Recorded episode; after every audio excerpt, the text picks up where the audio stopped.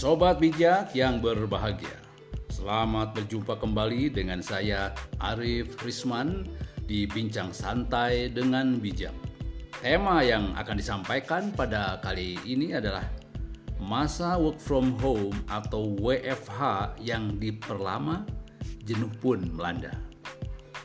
Sobat bijak yang berbahagia, salam sehat selalu untuk Anda, salam bahagia untuk orang dan keluarga tercinta di samping Anda.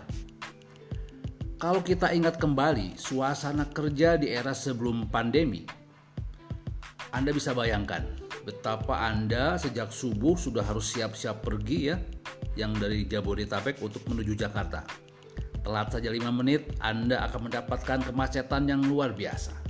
Maka Anda perlu mengkondisikan pagi hari sebelum pergi ke tempat kerja. Di perjalanan ada macet sampai ke kantor itu perlu waktu sejam atau mungkin dua jam. Begitu pula pada saat Anda pulang ke rumah dibutuhkan satu jam, dua jam atau mungkin tiga jam menuju pulang ke rumah dengan segala macam kepenat kepenatan dan kemacetan. Nah, kalau kita lihat lagi suasana di bis Transjakarta, di KRL, orang berhimpitan, berdesak-desakan, memperjuangkan untuk bisa men menuju tempat kerja atau ke rumah kembali. Luar biasa. Bahkan di titik tertingginya kepenatan dan kejenuhan itu banyak orang yang suka berdoa. Kapan ini akan berakhir? Akan berhenti semua kemacetan ini? Eh ternyata Tuhan mendengar doa itu dan kita lihat setelah era pandemi jalanan jadi lenggang tidak lagi macet, KRL tidak lagi penuh, bis Transjakarta lebih lenggang. Dan orang-orang bisa bekerja dari rumah tanpa harus menghabiskan waktu 2-4 jam untuk menikmati kemacetan di perjalanan tentunya. Nah itu pola sebelum pandemi dan setelah pandemi. Maka efeknya adalah suasana kerja menjadi bisa dilakukan dari rumah atau istilah kerennya WFH, work from home. Nah, kita paham bahwa era pandemi ini sudah lebih dari setahun. Belum ada vaksin atau obat yang manjur bisa menanggulangi COVID-19 ini. Maka masa WFH pun diperlama dan diperpanjang. Ternyata itu ada efeknya ada efek jenuh, ada efek kerja tidak lagi optimal karena hanya menikmati suasana di rumah saja. Nah, bagaimana caranya agar kita tetap bisa bekerja di rumah, tetap produktif, tetap enjoy, dan tetap berkinerja baik untuk perusahaan?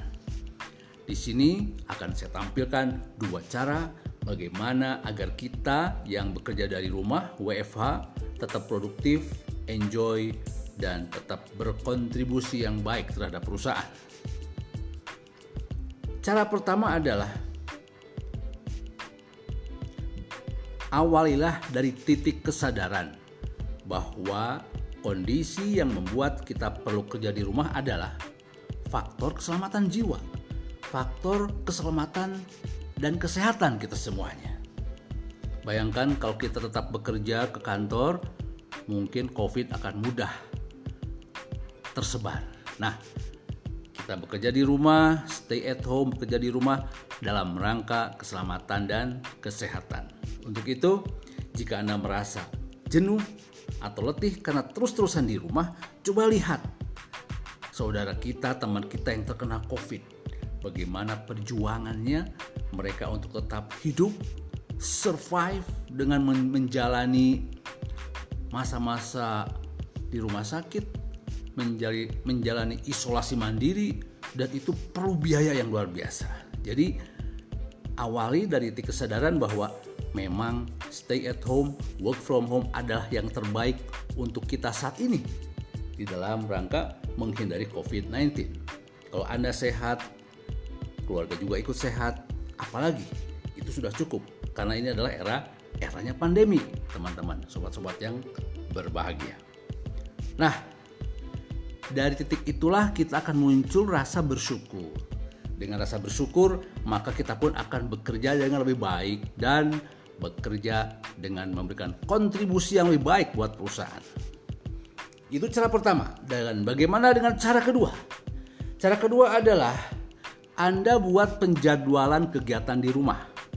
Selain jadwal untuk tugas-tugas rutin dari kantor, coba Anda juga buat jadwal untuk melakukan hal-hal yang menjadi variasi dari kegiatan kita selain bekerja. Bisa itu olahraga rutin, main game dengan anak, nonton film favorit bersama, dan lain-lain.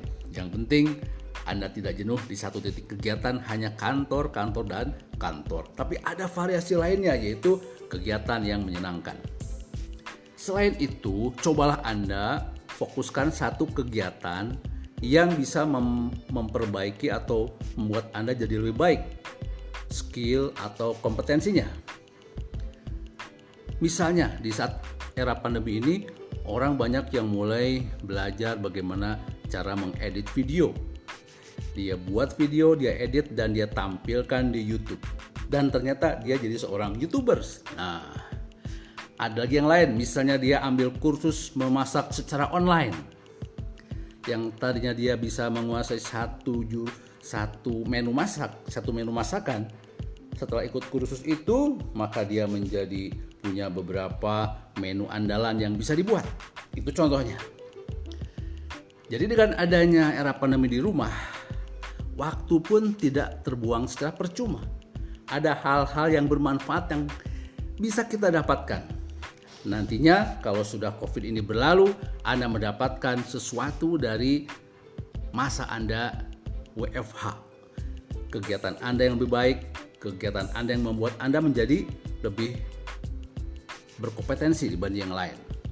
Nah, itu dua cara dari saya, teman-teman sobat-sobat yang berbahagia, bahwa yang pertama awali dari titik kesadaran, kemudian bersyukur, dan cara kedua adalah menjadwalkan kegiatan di rumah, buat kegiatan yang menyenangkan selain kerja, juga buat kegiatan yang bisa membuat kompetensi Anda lebih baik.